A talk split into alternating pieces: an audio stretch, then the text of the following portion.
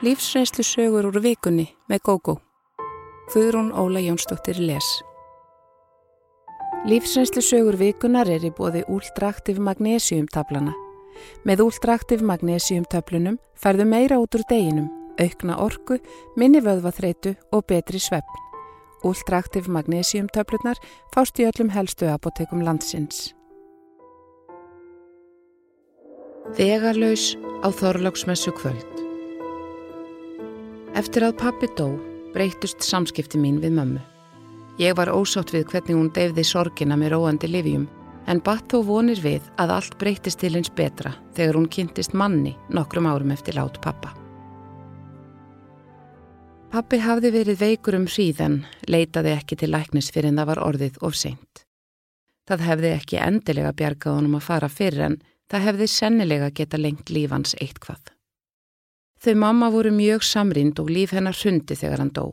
Mér fannst afskaplega erfitt að búa í mikill í fjarlað frá henni en á þessum tíma bjó ég á akureyri með þáverandi kærasta og tveimur sónum mínum frá fyrra sambandi. Barsfaðir minn var tiltölulega nýfluttur til útlanda, annars hefðu strákanir verið hjá honum, þetta voru hans jól, en hann bað mig um að skipta við sig og fá þá frekar næstu jól þegar hann erði búin að koma sér betur fyrir, sem var auðsótt mál. Ég ringdi nokkuð oft í mömmu en ef ég fann að hún var í livjavímu voru símtöllin stutt. Henni fannst ég nöldra allt og mikið í henni. Hún yrði að fá að hafa sinnhátt á því hvernig hún tækist á við missin. Ég reyndi að segja henni að hún gerði ekkert nema fresta sorginni og gerði sér þannig allt erfiðara. Hún átti sem betur fer tryggar vinkonur sem voru döglegar að heimsækjana og það róaði mig. Mamma var enn á svipuðum slóðum fimm árum setna. Hún var fyrir nokkru hægt að vinna vegna veikinda en átti sem betur fyrr íbúðina skuldlausa. Samskipti okkar höfðu frekar mingað en hitt. Hún vildi fá að vera í friði, fannst mér. Vonir mínar um aðinni liði betur kviknuðu þegar hún ringdi og sagði mér gladlega frá því að hún hefði kynst góðu manni, Sigurði. Hann flutti fljótlega til hennar og allt leitt vel út. Fljótlega áttaði ég mig þó á því að mamma var reynd ekki hætt lifjanislu. Hún var nánast alltaf undir áhrifum þegar ég ringdi hana, en hún virtist þó gladari í bragði eftir að Sigurður kom til sögunar.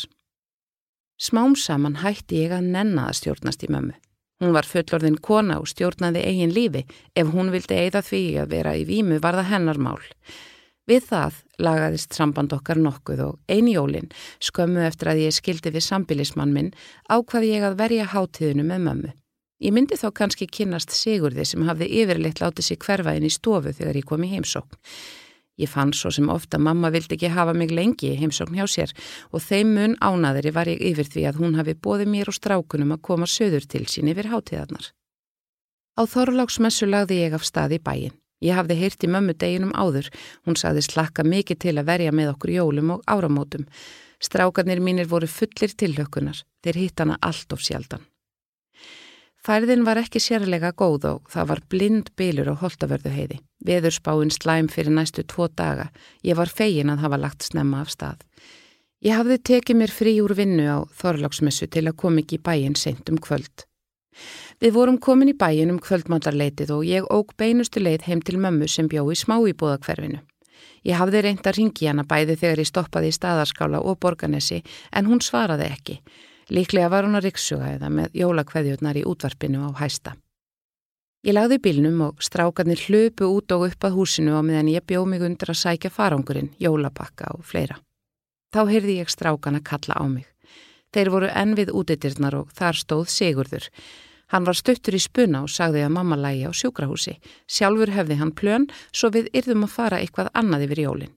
Síðan lokaði hann og nefið á okkur.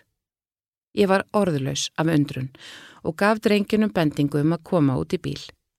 Sá yngri var farin að skæla og ég þurfti að huggan og segja honum að það yrði öruglega allt í lægi með ömmu þeirra. Hann hafði líka miklar áhyggjur af jólunum sjálfum, yrðum við að keira alla leið heim aftur í vondaveðrinu til að geta haldi jólinn. Ég óg nánast stefnuleust um borgina til að dreifa aðtikli strákana sem hrifust af öllum jólaljósunum. Hvað átti ég að gera? Að leia hótelherbergi var valla inn í myndinni, ég óð ekki í peningum. Ekki átti ég sískinni til að leita til og mamma hafði aldrei verið ættrækin svo ég þekkti ættinga mína nánast ekki neitt. Það kom ekki til greina að fara aftur heim vegna veðursins. Ég ringdi á sjúkrahúsi þegar ég var orðin róleri og spurði um líðan mömmu. Hún hafði dottið illa, sennilega verið livjuð. Hún væri ekki með meðvitund og hjúgrunarfræðingurinn sagði að það hefði ekkert upp á sig að heimsækjana. Allt í einu datt mér í hugað ringja í gamla vinkonu mína sem bjó í gravarvogi með tveimur börnum sínum. Kanski geti hún hjálpað mér. Hún var ánæð að heyri mér og þegar hún fekk að vita alla söguna bauðun okkur gistingu. Ég gæti fengið annað batnaherbyggi fyrir mig og strákana.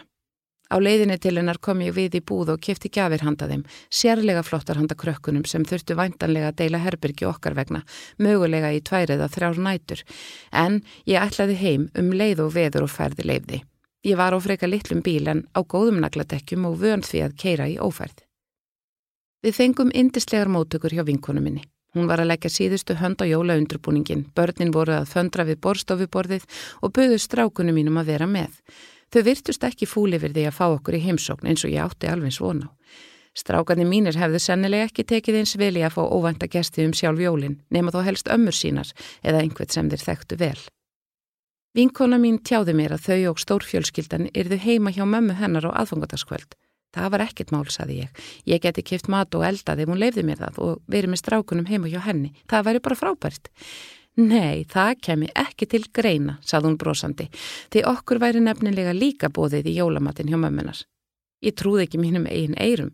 Ég þekkti mömmuna lítið og hafði ekki séð hana árum saman. Það skipt hana greinilega engumáli. Ég var innilega velkomin með drengina.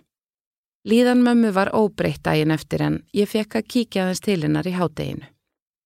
Aðfungadagskvöld var öðruvísi en ég átti að venjast en mjög indislegt. Mér var tekið eins og ég væri eina fjölskyldunni.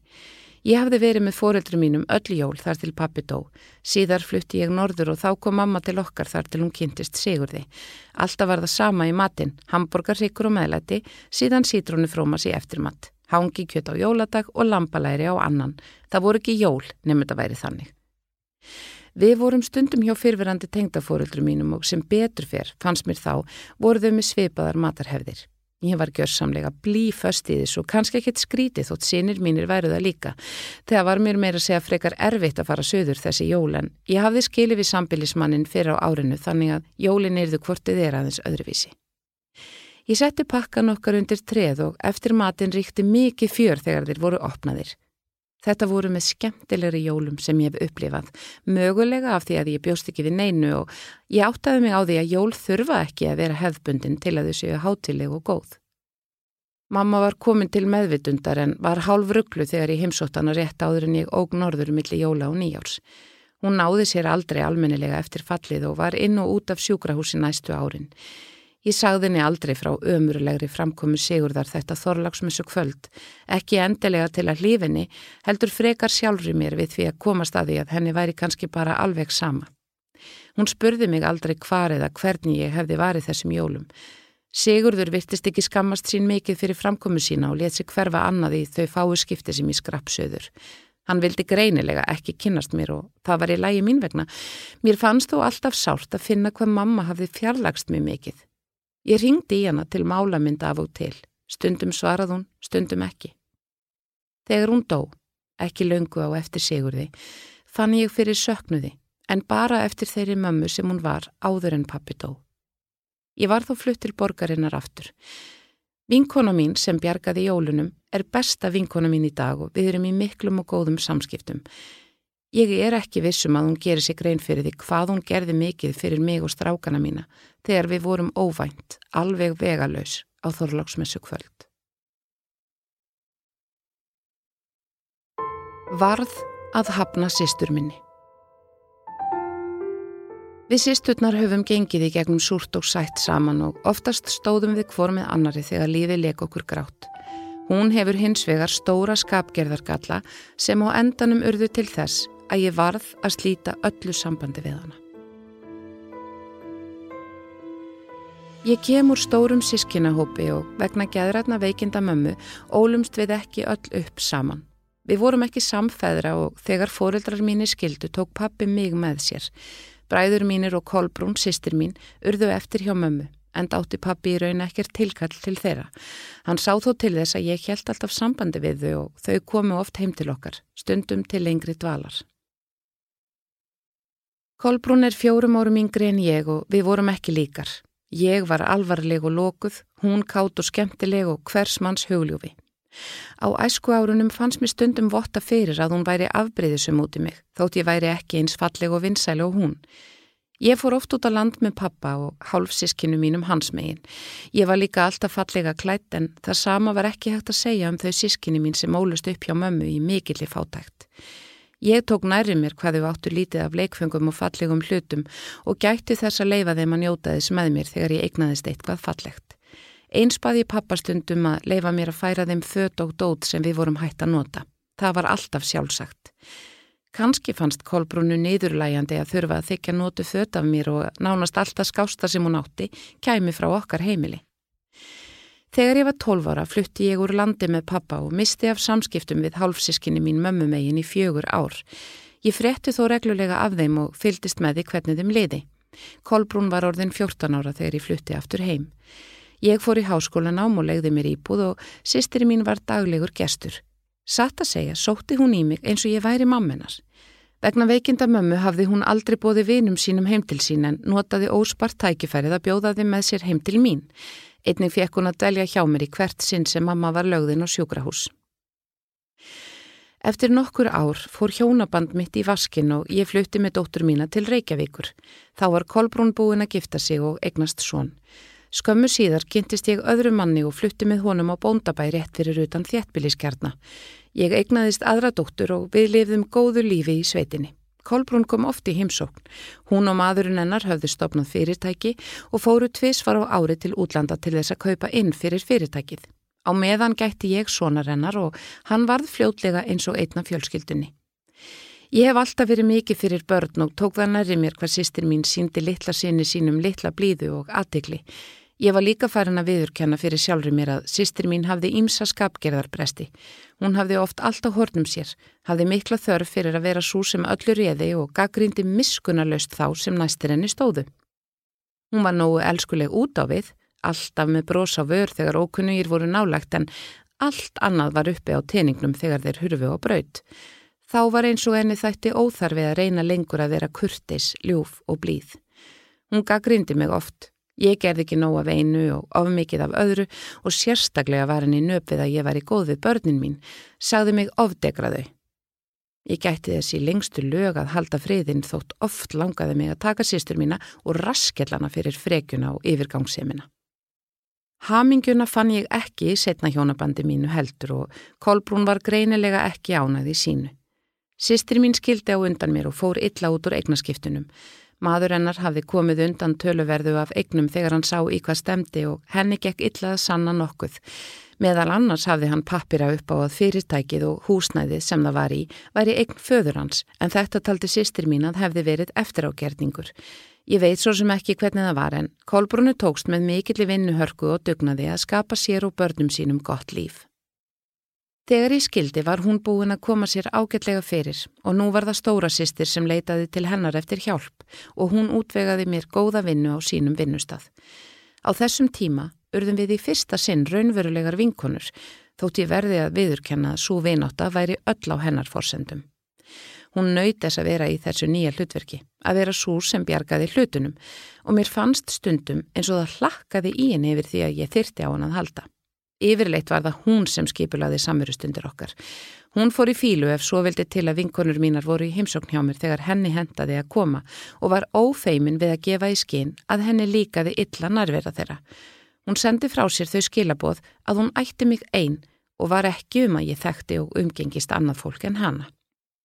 Sistir mín hafði ekki gifst aftur en það var ekki þar með sagt að hún lifði lífinu eins og nunna. Hún var hugguleg og myndarleg kona og hafði einstakt lag á því að vefja karlmönum um fingur sér. Bjarni var einna förstum fylgisveinum hennar, en samband þeirra hafði aldrei komist á það steg að þau færu að búa saman. Líklega þurfti sýstir mín á allri þessari aðtegli að halda og hún gati ekki hugsað sér að fórninni fyrir fasta sambúð með Bjarni. Hún var samt mjög eigingjörn á hann og brást hinn versta við ef hún fretti af honum með öðrum konum. Hún var jafn eigingjörn á hann og hún hafði verið á mig á sínum tíma.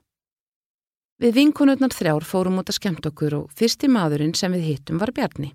Hann bauð okkur að setjast hjá okkur og vinum sínum og þegar líða tók á nóttu fórum við öll heim til mín. Þegar allir voru farnir til síns heima, sopnaði ég á dínu á stofugólfinu. Öll rúmin í húsinu voru uppfullan næturgestum. Ég vaknaði upp með andfælum snemma morgunin eftir. Sistir mín stóð yfir mér með reyðisvip á andlitinu og sagaði mig um að hafa stólið bjarnar frá sér. Hún sagðist vita það að hann hefði komið til mín um nótina þegar allir voru farnir og það hefði farið vel á með okkur. Þegar ég neytaði þessum sakargiftum, kvatti hún mig með því að sparka í mig þar sem ég lá á gólfinu. Um kvöldmatarleitið ringdi yfirmaður minn. Hann sagði mér þær fréttir að sýstir mín hefði ringt í hann og stilt honum uppi vekk. Hún sagðist ekki geta hugsa sér að vinna á sama stað og kona sem svæfi hjá kærastanum hennar og nú þið yfir maðurinn að velja á milli hennar og mín. Það væri útilokað að við getum haldið áfram að vinna saman. Ég reyndi að veikumætti að útskýra fyrir þessum góða manni að saga nætti sér enga stóð í raunveruleikanum en það stóðaði lít þótt ég reyndi að sannfærin um þetta framhjáhald bjarna hefði engungu farið fram í hugarheimi sýstur minnar. Stuttu setna var ég komin í annað starf og satt að segja var ég fegin að vinni ekki lengur með sýstu minni. Það þarf ekki að taka það fram að eftir þetta sleiti ég öllu sambandi við sýstur mína. Mamma er miður sín og hefur margóft beðið okkur að sætast. Á tímabili var ég tilbúin að gera mitt til þess að svo geti orðið en hætti við það þegar mamma saði mér að sýstir mín væri tilbúin að fyrirgefa mér. Svo yfirlýsing nægir til þess að sína mér að sýstir mín er ennþá haldin ránkugmyndum. Auðvitað sakna ég hennar oft en ég veit líka að viðnáta sem háðir stöðugum skilriðum er ekki eftirsóknarverð viðnáta.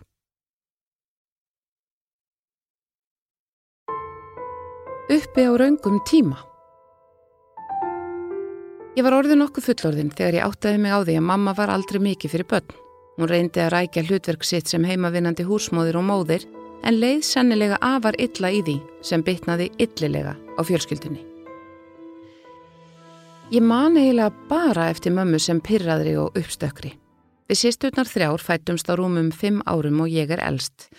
Oft reyti mamma í mig þegar ég var komin með soldi vit. Ég hefði fleikt hringnum í hann pappaðinn ef ég hefði gjörðið óleita þér.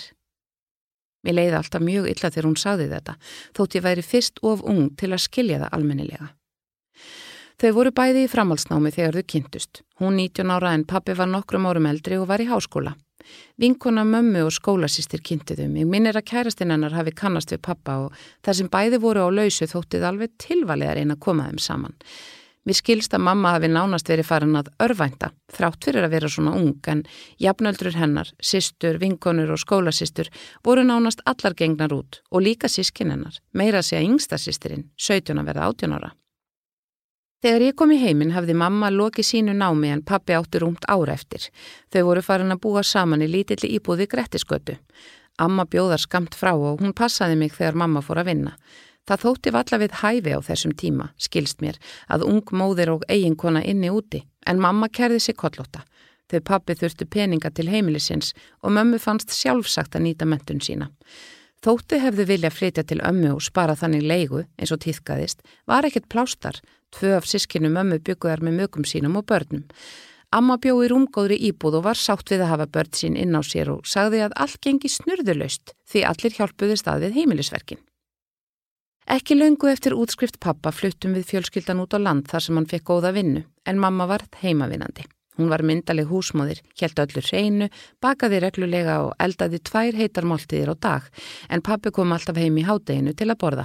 Fljótlega var mamma ólétt aftur og allt var í sómanum, um tíma. Mamma átti ekkert baklandarna, húsmóðir á landsbyðinu með mann og batn og þekkti engan, Bærin var reyndar frekar í starri kantinum en mér skilst að mamma hafi haldið sér til hljés og ekki vilja hleypa þessir vinkonum af óta við að fá inn á sig leiðinlegar slúðurkerlingar sem erfitt er að lásna við. Þannig kerlingar þóldi hún aldrei. Ég var orðin þryggjára þegar sýstir mín fættist. Þegar hún var áskömmul veiktist hún og þurfti að liggja á sjúkrahúsi um tíma. Þá var mamma komið nokkra mánuði á leiðað yngsta barninu sem átti að verða strákur. Hún og pappi voru meira að segja búin að ákveða nafnið á hann. Á þessum tíma máttu fóreldrar aðeins heimsækja börn sín á spítala á vissum tímum og ekkert þess á milli. Það fór ekki vel í mömmu sem að auki leið illa á meðgöngunni. Hún reyti ónótum í pappa og var í litlu jafnvægi. Það mátti ekkert koma upp á, þá ringd hún í pappa í vinnuna. Hann kom alltaf heim og reyndi að hressa mömmu við sem þá var kannski hágrátandi yfir köku sem hafi fallið. Pyrringurinn út í hlutskipti sitt og lífið almennt jógst jamt og þjætt. Ég man meirað að segja eftir því að hún gargaði brjálið á pappa þegar hún áttaði sig á því að hún væri orðin ólitt í þriðja sinn og það nánast strax á eftir öðru barninu. Hún var nánast óða vreiði út í hann og bara lífið almennt. Þriði á yngsta dótturinn var rólegt og gott bat sem hefur sennilega bjargað geðhilsum ömmu. Mamma fann upp á ýmsu skrítnu til að svekja pappa sem að hennar mati var orðin uppspretta alls ills í lífi hennar. Eitt sinn, rétt áður en hann kom heim í hádegismat, let hún okkur sýsturnar, þær yngri voru þá í kringum þryggja og fjögur ára, standa hlið við hlið og tilkyn honum þegar hann kom inn að við varum svangar. Við vorum ekki fátæk og ég var aldrei söng, bara skrítið upp á tæki. Ég man ekki hvernig pappi tók þessu. Hann var einstaklega þólinnmóður en fannst eflaust oft nógum alla þessa dramatík. Hann gerði allt sem hann gat fyrir mömmu, nema hann neytaði að leggja á okkur hendur. Hún reyndi stundum að hóta okkur sístur maður hún ætlaði að láta pappa flengja okkur ef við yrðum ekki þægar. Hún var alveg einfær um það sjálf og þurfti ekki að bæta við svona hótun. Lífið getur ekki hafa verið skemmtilegt hjá fórildri mínum. Sífælt nakk og reyfrildi. Pappi reyfst alveg mömmu en kaus að gera það eftir að við vorum sopnaðar. Þau voru reynd ekki hamingisum. Ég var orðin 11 ára þegar þau loksin skildu. Við kveðum því að verða eftir hjá mömmu en annað var ekki bóði. Pappi flutti til Reykjavíkur og um það byl ári setna fór hann að búa með annari konu. Mamma byrjaði að vinna og það virtist eiga mjög vel við hana. Hún var mun oftar í góðu skapi og síndi af sér nýjar og betri hliðar. Vissulega voru við sýsturordnar eldri og meðfærilegra á þessum tíma og gátum gert gagn, en við vorum líka kúaðar og hálf hrættar við mömmu og skapsmunni hennar. En á meðan við heldum heimilinu sæmilega fínu og elduðum stundum mat, gátum við yfirleitt treyst á að mamma yrði í góðu skapi. Hún gæti rókið upp í reyði yfir smámunum og var þá oft laus höndin en við fundum að henni var farið að líða betur. Við sýstur fluttum allar snemmað heimann Ég var 16 ára þegar ég flutti til Reykjavíkur, leiði mér herbergi og fór í mentaskóla. Pappi aðstóðaði mig örlíti fjárhagslega allra fyrst en hann var nýfærin að drekka á þessum tíma og drikja nótti bara eftir að aukast með tímanum. En ég vann með skólanum svo allt gekk upp hjá mér. Mamma og sýstur mínar fluttu til Reykjavíkur nokkru setna og mamma fekk gott starf. Sýstur mínar byggu við talsvert frjálsræði og á meðan þær gengu vel um heimilið og gerði húsverkin var samkominnlægið gott. Nokkrum árum setna ákvaðum við sýsturnar að leia saman íbúð sem var ákaflega skemmtilegt. Mamma var ekki ósatt við það. Hún var í raun meira eins og vinkon okkar en móðir eftir að við eldumst og sennilega döð fegin að losna við okkur. Hún kvatti okkur aldrei til að fara í framhalsnám, þótt sjálf hefði hún menta sig meira en margar konur á hennar eki, sennilega af því að það hefði jafnvel þýtt að hún sæti lengur uppi með okkur og þýrst að hjálpa okkur fjárháslega. Þegar hún síðan egnaðis kærasta átti hann hug hennar allan. Við unnum alltaf með skólanum en tókum stundum hlið frá námi og fórum í fulla vinnu um tíma. Allar kláruðum við háskólapróf en það tók alveg tíman sinn. Á leiðinni þanga giftum við okkur, eignuðum spörn og ein okkar skildi. Pappi var mjög hrifin af mentagleiði okkar en hann gerði þó fátt til að stiði okkur.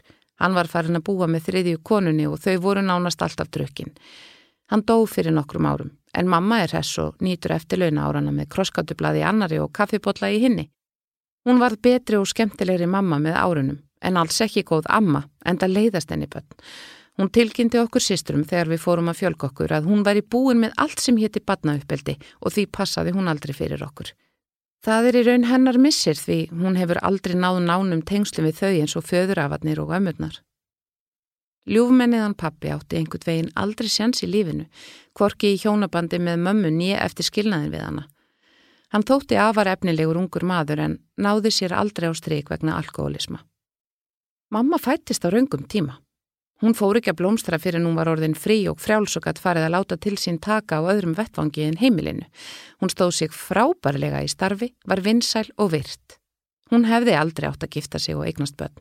Það var ekkit fyrir hanna. En þá hefðum við sýstur aldrei orðið til. Ótrúlegur blekkingarleikur. Ég skildi við fyrir mannin minn seint á tíunda áratjók síðustu aldar og var ekkert að flýta mér í annað samband. Ég ætlaði að byggja upp gott líf fyrir mig og dætru mínar tvær. Þetta var ekki auðvelt og einstæðar mæður hafa það sjaldan gott. Þegar ég kynntist Sigurði, taldi ég mig hafa fundið ábyrgan og örugan mann. Hann hafði farið í meðferð en var ákveðin í að halda sér etru og sagði mér að öll óregla væri að baki. Sigurður var sjórum eldri en ég og vegna þess hver varlega ég vildi fara gerðist allt mjög hægt. Við hittumst fyrst í samkvæmi og tveimur vikum setna ringdi hann í mig og bauð mér í kaffi. Nokkur fleiri skemmtileg stefnumót fylgdu í kjölfarið og það var ekki fyrir neftir nokkrar vikur að við kistumst fyrsta kossinum. Fimm mánuðum setna flutti hann inn til mín. Þá taldi ég mig hafa fengið góða insýn í personuleika hans og var farin að treyst honum. Ég átti mína íbúð en hann legði svo þetta var mun hagkvæmara og eðlilegra. Hann var ágætlega mentaður og raka íð fyrirtæki með vini sínum. Sigurður var með góðar tekjur og við fundum strax fyrir því að lífið varði letara. Ári eftir að við hófum sambúð var okkur farið að langa að stækka við okkur og keiftum saman stóra fallega íbúð. Ég átti orðið það mikið í minni eigna við gátum borgað herri útborgun en venja er og fengum auk þess gott greiðslumat því bæði var ég í mjög örugu starfi og hann gætt sínt fram á góða innkomu í fyrirtæki sínu. Þetta kom sér vel þegar í ljós komað Sigurður skuldaði lán sem hann hafði fengið veð fyrir í íbúð sýstur sinnar. Hún vildi eðlilega að hann flyttið hann nú þegar hann átti hluti í íbúð með mér og ég samþykti veðflutningin. Í mínum huga var þetta allt óhætt því Sigurður var döglegur að mæta á fundi og passa að rækta það sem hann þurfti til að standa sig í sinni edrumensku. Allt gekk okkur í hægin. Við giftum okkur 16 mánuðum eftir að við kynntumst og eignuðum stóttur fjóru mánuðum síðar. Nýja stóra íbúðin var fljótt of lítil og enn var ákveðið að stækka. Við keftum okkur fallegt hús og unnu mikið til að eignast það en það draumur okkar begja. Á sama tíma voru við döglega rækta fjölskylduna. Meðal annars ferðuðumst við mikið innanlands og fórum í utanlandsferðir með börnin þegar við sáum spennandi ferðarkosti. Lífið var þó ekki áfallalust. Eitt sinn lendu við í alvarlegri bílveldu þar sem allir slösuðust en til allrar lukku ekki verið en svo að við náðum okkur að fullu. Upp úr því fór Sigurður að drekka aftur. Ég var áhyggjufull til að byrja með en hann virtist hafa góða stjórn á þessu. Þetta var allt óskup hóflegt, eitt og eitt glasa víni hér og þar. Ég tók hins vegar eftir að hann drakk mikinn pilsner en ég held að það væri svo sem í lægi en það taldi ég hann lausan við alkohól. Eftir á átta ég mig auðvitað á því að pilsneri nærði löngunans og var nægilega líkur bjór til að kveikja aftur á gömlu drikkjuvenjunum. Við sátum þess vegna á púðurtunnu og alltaf bara tímaspösmál hvenar hún springi. Á sama tíma fór spennan í samskiptum hans við mig og börnin vaksandi. Hann var oft snöggur upp og reyðin bitnaði oftast á mér en líka yðurlega á stelpunum. Einstakassinnum reyðan ekki við sig og slefti sér þegar aðri sáu til. Að því kom að ég áttaði mig á að þetta var ekki lægi. Við vorum farnar að læðast um þegar hann var heima og reyndum alltaf að passa okkur að gera ekkert sem fari gæti í tögarnar á honum. Ég baði hann þess vegna um skilnað en hann var fljótur að svara og segjast vilja hætta aftur að drekka. Hann þyrti ekki að fara aftur í meðferð því hann kynniði þetta allt en yrði að fara aftur að sækja fundi að fullri hörku. Hann full vissaði mig um að skapans myndi lagast mikið við það og allt yrði aftur eins og það var þegar við byrjuðum saman. Ég trúð honum. Þótt ég vissi að hann hefði áður drukkið allt frá sér og ég gaf honum annan séns. Næstu árin gekk á ímsu. Við gengum í gegnum hrunið eins og aðrir en eftir það var sjálfstæður atvinnurekstur hans nánast gæltróta. Þeir höfðu litla vinnu, stundum bara 30 til 80 tíma í mánuði. Ég og dæturnar öfluðum þeirra tekna sem þurfti til að halda öllu gangandi. Ég var auðvitað í fullri vinnu en auk þess fór ég að selja álfinn fyrir S.A.A. með dætrunum, bera út blöð og fleira til að ná í auka tekjur. Hann hjálpaði okkur stundum en oftast stóðum við í þessu einar.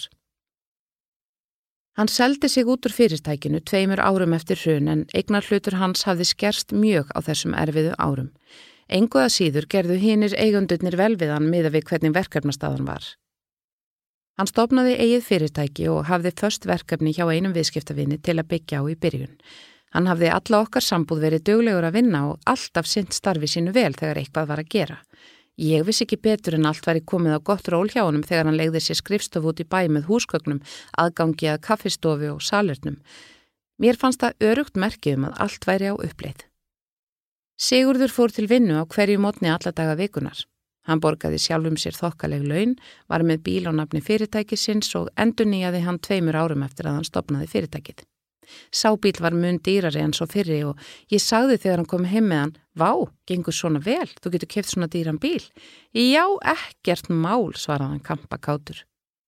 Skömmu síðar endur nýjaði hann húsgögnin á skrifstofunni og varð ægilega gladur að ég kom til að punta með blómum, myndum á veggina og einhverjum smálutum. Ég var líka ánægð og talaði um það við hann þarna hvað mér finnist stórkoslegt að fyrirtæki gæfi svona vel af sér og hversu fínt við hefðum það.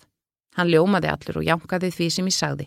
Skömmu síðar sá ég að hann hafi keft sér aðgangskorta líkamsrækt og gufubaði á fínu hóteli og skrifað áskriftina á fyrirtækið. Mér fannst þetta fínt. Maður sem vann svona mikið og gekk þetta vel átti skilið að geta slakað á í góðri æfingastöð. Á þessum tíma var ég vissum að hann væri alveg hættur að drekka. Ég vissi að smá svindl eða fall hafði orðið fimm árum eftir að hann lofaði mér að taka sig á en að öðru leiti held ég að hann hefði alltaf verið þurr.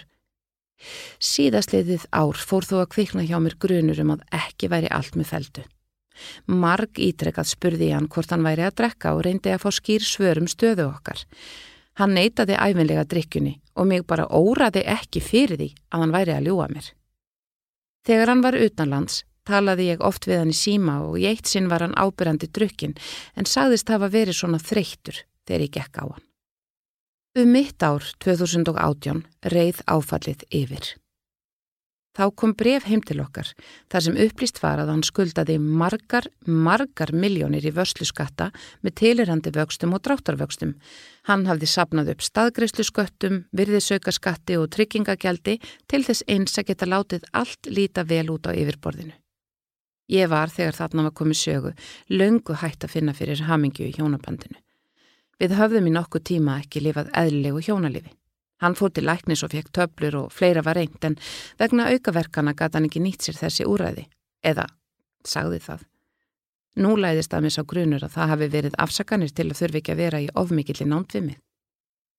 Fyrstu árun okkar voru frábær hvað þetta varðar en víndrykja hefur ekki góð áhrif á kynkvöt svo líklega hafa þessar undanfæslur verið hluti af feluleiknum. Hann átti auðveldara með að leina drykkjunni fyrir mér þegar við sváum ekki saman lengur. Við höfðum reynd að fara í hjónabandsrákjöf en það skilaði auðvitað engu. Sannleikurinn var aldrei sagður og flaskan var þriði í aðilinn í hjónabandinu. Það er ekki hægt að lækna neitt ef bleiki fílinn í stofun er ekki rættur. Mér varð allir í lokið þegar ég komst að þessum skuldum sem hefðu geta gert mig eignalösa. Hann hefði geta verið tekinn gjaldróðarskipta og mist kennitölu sína á fyrirtækisins og það sem meira er farið í fangelsi eða verið dæmdur til samfélagsstjónustu. En ég átti góða að sem keftu hann út og borguðu upp öll vanskilinans hjá ríkiskattstjóra. Ég seldi svo húsið okkar til að borga mínu fólki tilbaka og kefti mig litla íbúð fyrir mig. Dæturnar voru sem betur fyrir allar fluttar að heiman og farnar að lifa sjálfstæðu lífi. Á fyrstu dögum skilnaðarferðlisins fór fólk svo að hafa samband við mig, meðal annars ættingar hans og segja mér frá hvernig hann hefði alltaf drukkið á bakvið mig. Ég fekk líka að vita hvernig þetta lán kom til sem fylgdi honum inn í okkar búskap. Littlum átti muna að sýstir hans misti húsi sitt út af hann á sínum tíma, en þá fór hann í meðferð, öruglega bara til að róa hana. Nú er ég búin að átta mig á því að hann er fár veikur alkoholisti. Eftir að ég skildi við hann hefur hann drukkið daglega. Hann fekk fljótt vel launaða vinnu hjá öðrum því hann er klári sínu fægi. Hann lokaði samt ekki eigin fyrirtæki en engin veit hvernig bókaldinu þar er hátað. Ég frétti nýlega að bílinn hafi verið tekin af honum vegna nýra skattaskulda en það segir mér að hann hefur sennilega ekki gert upp skattasíðasliðið ár. Hann legir fína íbúð og launans hefðu auðveldlega átt að döga fyrir ekstri og afborgunum af bílað auki ef hann hefði haft rænu á að kaupa bílinn personulega af fyrirtækinu en veikindi hann sína sig ekki engungu í óreiðu í fjármálum. Þau lýsa sér líka í framkomi hans við mig. Hálfu ári eftir að við skildum fór hann að hóta mér og beita mig andlegu ofbeldi með skilabóðum og tölvuposti. Ég varða að loka á samskipti við hann bæði gegnum samfélagsmiðla og skipta um síma. Við höfðum rætt saman um að við ætluðum að skilja í góðu og vera vinir dætrana vegna og þeirra barnabarna sem við kynum að eignast í framtíðinni. Það er lungu búið að skipta öllu og skrifa undir fjárskiptarsamning og hann hefur fengið að velja allt sem hann vildi úr búinu. Eftir að hafa verið saman í tæp 22 ár og þar af gifti 20 fannst mér það sjálfsagt fyrir utan að ég leta hann fá fullt til viðbótar af gjöfum sem við höfðum fengið frá hans fólki í gegnum tíðina. Hann þurfti ekki einu svona að hafa fyrir að pakka þessu. Það eina sem hann pakkaði niður voru fötinn. Allt leirtau, skrautmunir, veiðidót og fleira var frágengið og umbúið af mér. Sjálf fór ég ekki með mikið út úr búinu og til að fylla upp í litlu íbúðina sem ég kefti fekk ég gefin sofaborð, annað borð, hillu, stól og fleira en það fekk hann það stærsta og dýrasta. Þrátt fyrir það fór hann á hliðina þegar ég var ekki tilbúin að láta hann hafa meira úr búinu og ætlaði að neyta að skrifa undir lögskilnað. Á síðustu stundu bjargaðist það. Sennilega var hann komin með kærustu þegar síslumadur bóðaði hann á sinn fund. En þetta hefur verið algjört helviti fyrir yngstu dóttur mína. Hanna eigum við saman og hún er meðvirk með honum ánþess þó að gera sig grein fyrir því. Ég tala helst ekki um hann við hann og spyr hann aldrei um hann. Eldri stelpunum hefur hann lítið synd nefn hann sjáuð hann geti haft eitthvað gott af þeim. Núna sé ég í raun eftir að hafa bjargað honum úr snurunni. Ef niðurstaðan hefði orðið svo að hann hefði mist allt og kannski þurft að setja inni, gæti hann hugsanlega hafa lært eitthvað af þessu. Hann hefur hins vegar enga yðrun sínt og aldrei beðist fyrirgefningar á neinu af því sem hann kallaði yfir okkur. Ég er líka fegin að vera laus úr þessum ömurlegu aðstæðum, þótt ég þurfið að vinna tvöfald að vinna til að komast af.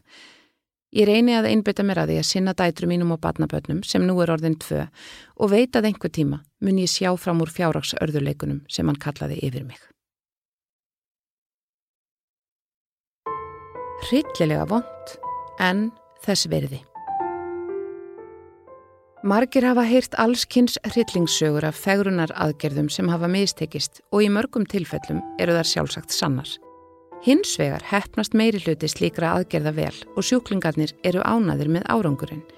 Ég er ein af þeim. Ég fór í fetursokk fyrir um fimm árum og sé ekki eftir því þótt ég hafi kvalist mikið dagan eftir aðgerðina. Ég var mjög grönn sem batn og úlingur og hefði vel sómt mér sem fyrirsæta á einhverju fórsíðu glanstímaritana. 20 og einsás var því ófrísk og þingdist mikið á meðgöngunni. Ég var afar óanað með þingdaraukninguna þar sem ég hafði aldrei verið í vandraði með aukakílóin áður og vissi ekki hvernig ég átti að ná þeim af mér. Ljósmóðurinn varaði mig við að reyna megra mig en sagði mér að huga vel að mataræðinu. Ég reyndi það en var stöðugt svöng og sótti gríðarlega í feitan mat og sætindi. Stundum varði löngunin mér ofviða og ég tók bókstaflega átköst. Raðaði í mig frönskum kartöblum, súkulaði, ís og öðru góðgæti. Ég vonaðist til að þegar batni fættist myndi eitthvað töluvert renna af mér. Vinkona mín hafði feitna mikið á meðgöngu en kílóin fugu af hennum leið og batni kom í heiminn. Mikið af þingdini hafði verið bjúur og hún var fljóta komast í gott form, enda íþróttakona og döglega reyfa sig.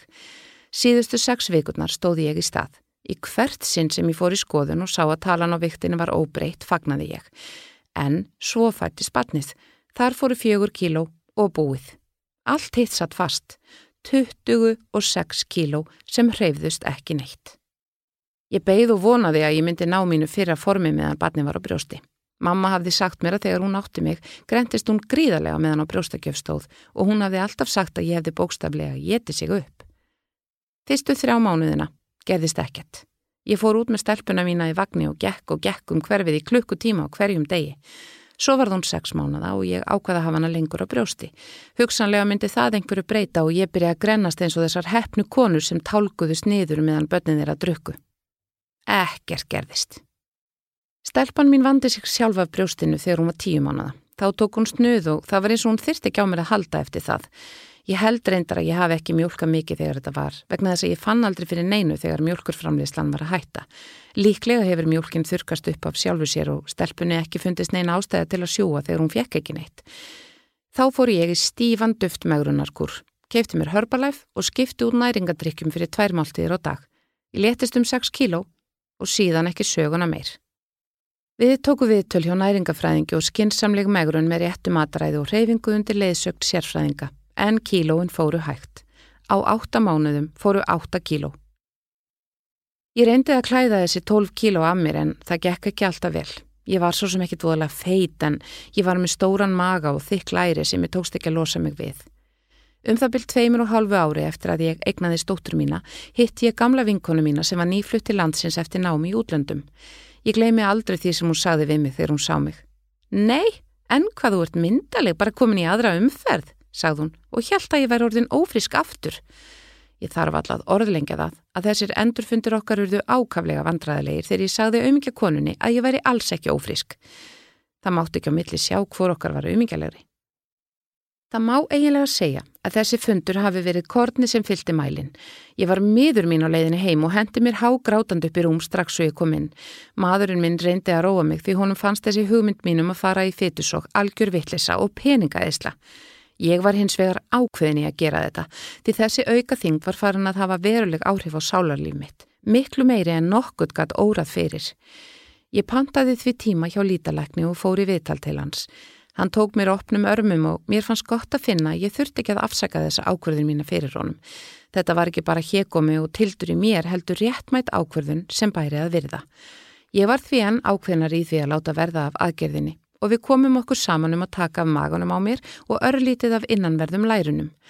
Ég var að flestu leiti að var ána með þá þjónustu sem ég fekk hjá lítalækninum, allt frá fyrsta viðtali þar til aðgerðinu var lokið, nema að því leiti að mér fannst hann ekki vara mig nægilega vel við þeim ofbóðslegu kvölum sem ég upplifði þegar ég vaknaði eftir svæfinguna. Ég var mjög marinn og bólkinn þegar ég vaknaði, eins og ég hafi búist við en kvalitnar voru líka alveg ótrúlega miklar. Til samanbyrðar geti sagt að mér fannst fæðing dóttur minnar tæpum þremur árum áður sem þó var nokkuð strempin afar léttvæk í samanbyrði við þessa reynslu. Ég gatt þó farið heim af sjúkrahúsinu sama dag, uppdópuð af verkelifjum. Ég var afar veik fyrstu dagana og mjög viðkvæm andlega því ég ótaðist að aðgerðin hefði öll verið til einskis því ég sá engan mun á mér. Ég mátti bara ekki til þess hugsa að hafa eitt öllum þessum peningum og gengið í gegnum þessa raunis ef árangurinn yrði engin. Ég gerði mig kannski ekki bara grein fyrir því þarna fyrst að ég var ennþá bólgin og með bjú og því ekki raunhæft að ætla að árangurinn sæjist. Sem betur fer breytist það smátt og smátt og um tveimur mánuðum síðar var ég laus við bjúin og afar ánað með árangurinn minn. Ég held nú að maðurinn minn hafi einstinni verið ánaðu líka þótt hann elskaði mig og væri alveg sama hvernig ég var í læginu. En ég gerði þetta heldur ekki fyrir hann, heldur fyrir sjálfa mig og engan annan. Nú eru liðin tæp fimm ár síðan ég fór í aðgerðina. Ég hef haldið sama formi og reyndar hef ég örlíti grenst en það hefur kostað aðhald. Það er nefnilega miskilningur að fytusóg leysi öll vandamál. Maður getur ekki bara lagst í sukk og svínari á eftir og ætlast til þess að halda línunum. Þess vegna hef ég stunda leikfumi reglulega sem ég hafði nú reyndar gert í langan tíma áður en ég fór í aðgerðina. Ég er þó ekki frá því að mér hafi reynst auðveldara að byrja í leikfuminu eftir aðgerðina heldur en fyrir hana því sálartetri var í betra formi og því átti ég auðveldara með að drífa mig út í líkamsræktastöð. Mér finnst leiðilegt hvað sumt fólk hefur mikla fordóma gagvart svona aðgerðum. Ég hef aldrei leint því að ég hafi kosið að fara þessa leið og þegar ég tala um það hnussa sumir og nexlast á hversu hekomleg ég sé. Mér hefur líka verið sagt að þetta sé leti og ég hafi ákveðið að fara auðveldu leiðina, ekki nefnt að reyfa mér nóg og ná þessu af mér sjálf. Það er líka til fólk sem hefur sagt við mér reynd út að peningunum hefði verið betur varið í eitthvað annað, að ég hefði átt að gefa þá til góðgerðarmála og svo framvegis. En Mér finnst samt að þegar fólk er það óanægt með útlitt sitt að það hefur veruleg áhrif á andlega líðan þess eigið að gera hvað í því. Í mínu tilfelli var fytursói lausnin og ég sé ekki eftir því þrátt fyrir að kvalitnar eftir aðgerðinu hafi verið miklar.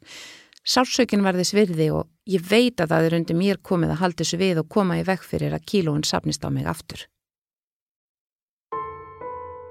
Þú varst að hlusta á lífsreynslu sögur úr vikunni með GóGó í lestri Guðrúnar Óli Jónsdóttur og framleiðslu Storysight árið 2020.